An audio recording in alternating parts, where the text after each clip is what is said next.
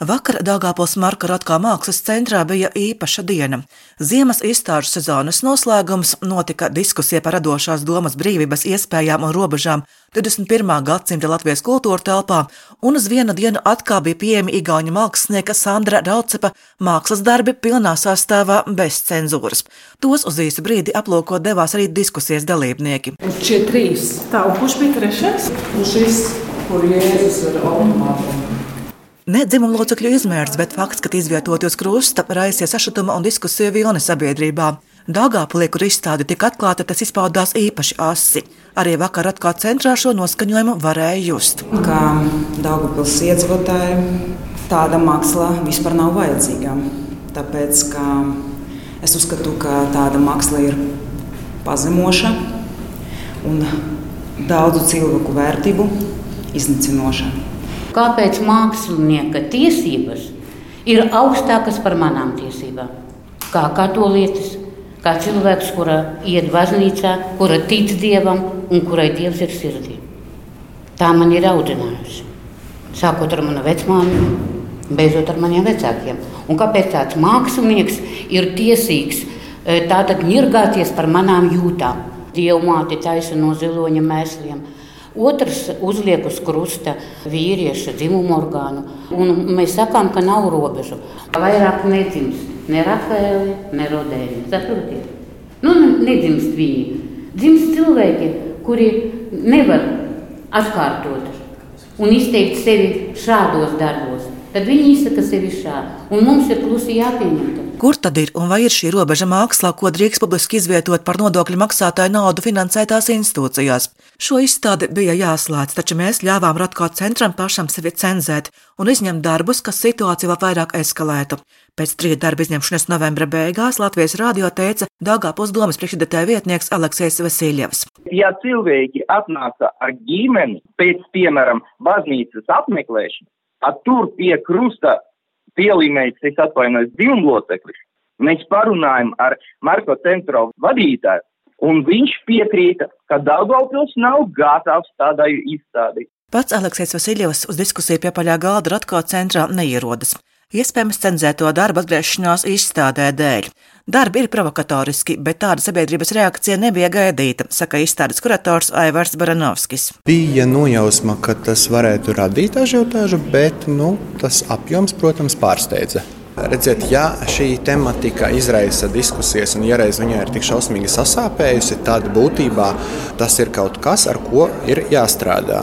Nu, līdz ar to es varētu teikt, ka, nu, protams, iespējams, ka šādu tematiku ir jāpaceļ gaisā, un, un, un, un tiešām varbūt mums ir vairāk jārunā gan par reliģiozitāti, gan par seksualitāti. Un, nu, šīs visas tēmas mēs nevaram tādā tabū variantā nolikt kā nepieņemamas pieņemamas sabiedrības apskatēji. Kādai tad jābūt mākslē, ko piedāvāt skatītājiem, un kas par to tiesīgs lemt? Tas ir viens no diskusijas jautājumiem. Jāpaļaujas uz ekspertiem nozarē diskusijā, saka mākslinieks Ānis Stakle. Šajā situācijā mēs nonākam, ka daudzi ir patiesībā dīvaini eksperti.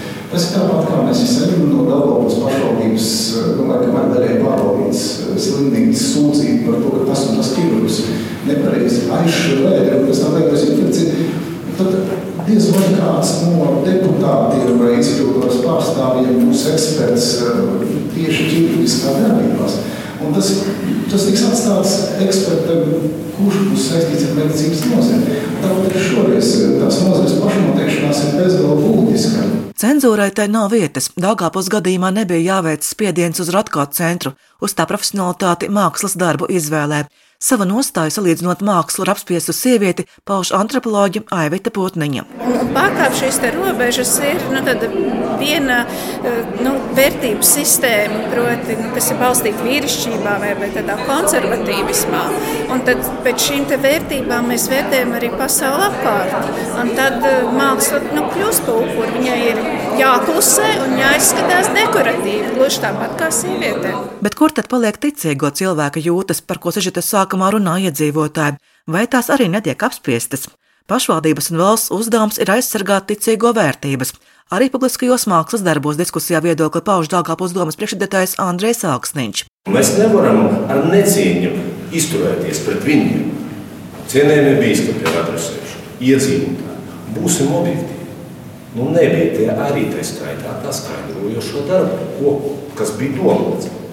Un secinājums par to, ka nu, uzzīmējam, uzliekam, un tad, lai viņš jau pats tur izdara kaut kādus secinājumus, nu, tas lielā mērā arī nav laba pārvaldība, kura tā skaitā šeit ir notikusi.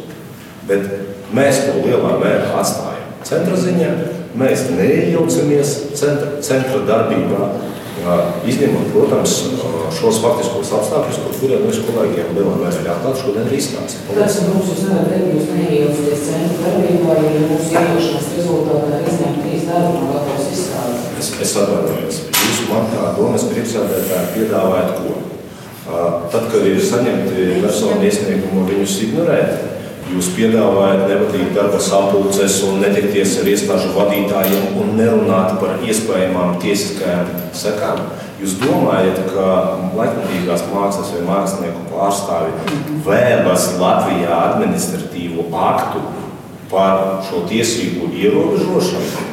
Ar iespējamām sekām Eiropas cilvēktiesību tiesā izanalizēt šo gadījumu konkrēti norādot uz reģionālo specifiku, zaudēt tajā lietu.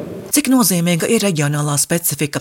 Vai tā ir izstāžu kuratora atbildība, gatavojot izstādi, un kā sabalansēt šīs divas - brīvās mākslas un reliģijas izpausmes, neradot savstarpējo naidu, ir viens no jautājumiem, atbildi kuram arī meklē šī diskusija, apliecina kultūras ministrijas valsts sekretāras vietnieks kultūra politikas jautājumos Uldis Zariņš. Taisnība, protams, droši vien ir abām pusēm, kad uh, negribētu aicināt māksliniekus uz pašcensūru. Bet, uh, bet vietai un kontekstam un, un, un kopienas izpratnē, protams, arī ir būtiska nozīme.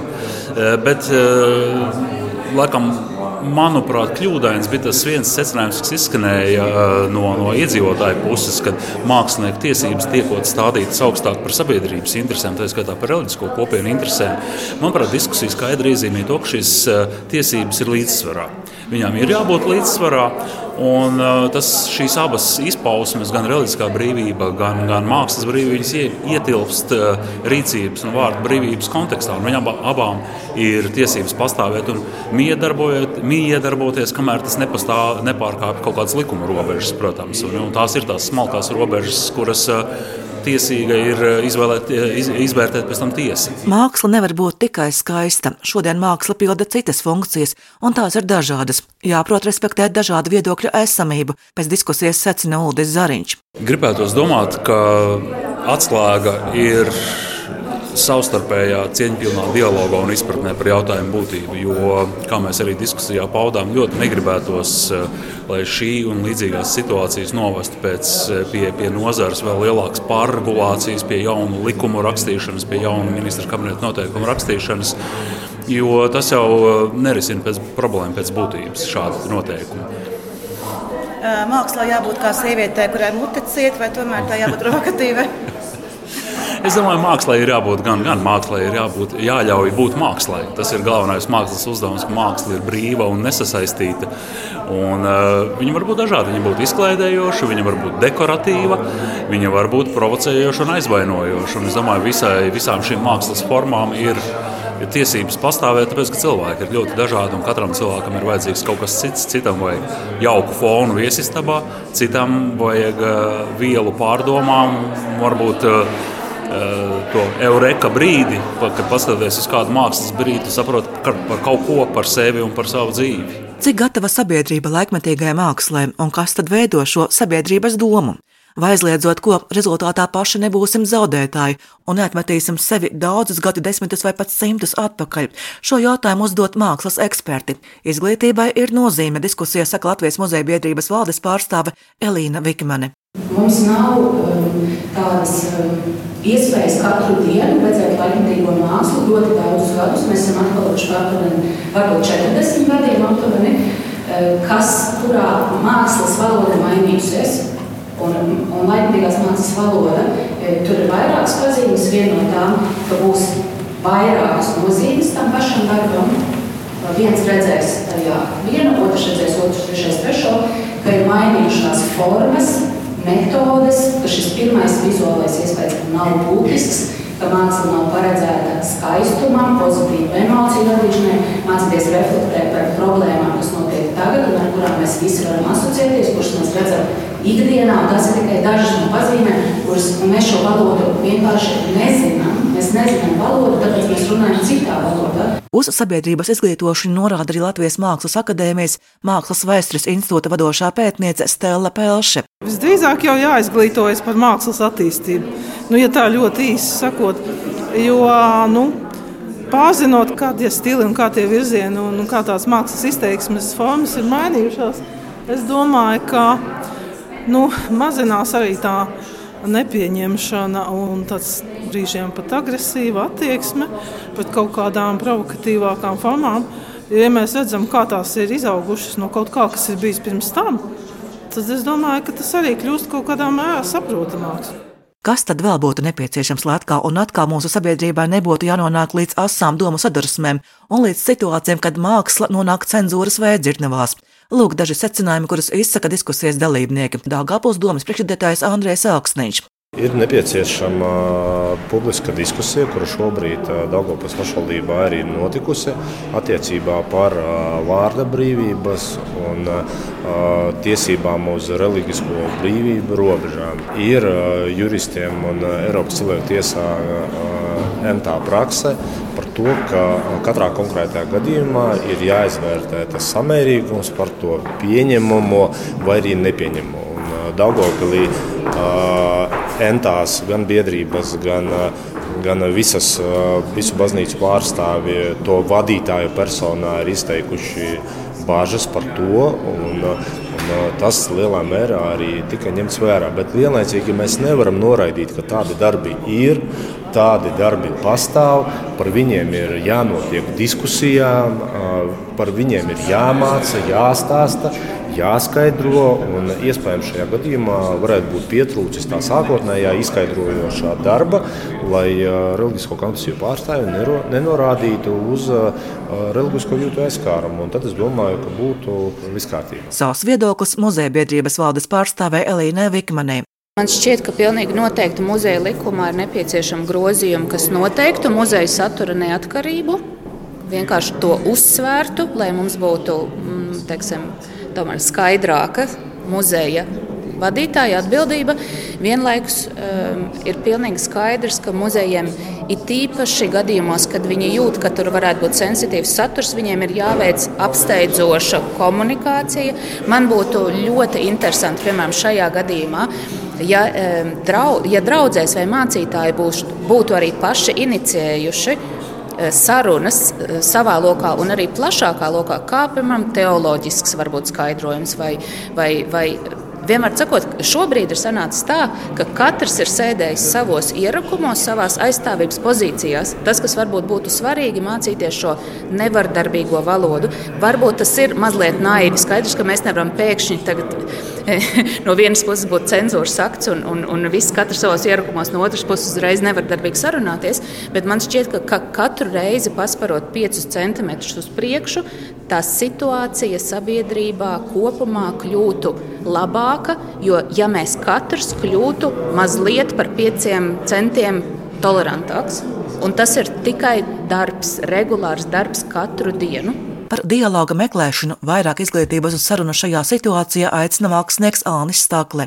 Mēs skaidri redzam, ka ir nepieciešamība sarunāties un nepieciešamība tā pēc tādas kā muzeja pedagoģijas vai mākslas pedagoģijas publiskajā telpā, kurā Nu, jebkurš cilvēks, dažādu vecumu posmu cilvēks var piedalīties. Mēs arī zinām, ka mums ir ļoti švaki gājis ar mediju pratības iekļaušanu mācību programmās. Tas 2018. gadā tas ir formāli parādījies pamatizglītības un vidējās izglītības programmās. Līdz ar to skaidrs, ka pat ar jauniem cilvēkiem nu, nav nekādas izpratnes, kas ir zīmes, stāstījumi, māksla publiskajā telpā uz ko tā aicina, kādas eh, dažādas pārdomas tā var raisīt, un arī nepatīkamas sajūtas. Un par to visu var kaut kā sarunāties un būt kopā. Un, eh, nu jā, nonākt kaut kādās eh, jaunās domās par sevi, par pasauli, par apkārtējo vidi, nu, arī paliekot pie savām vecajām domām.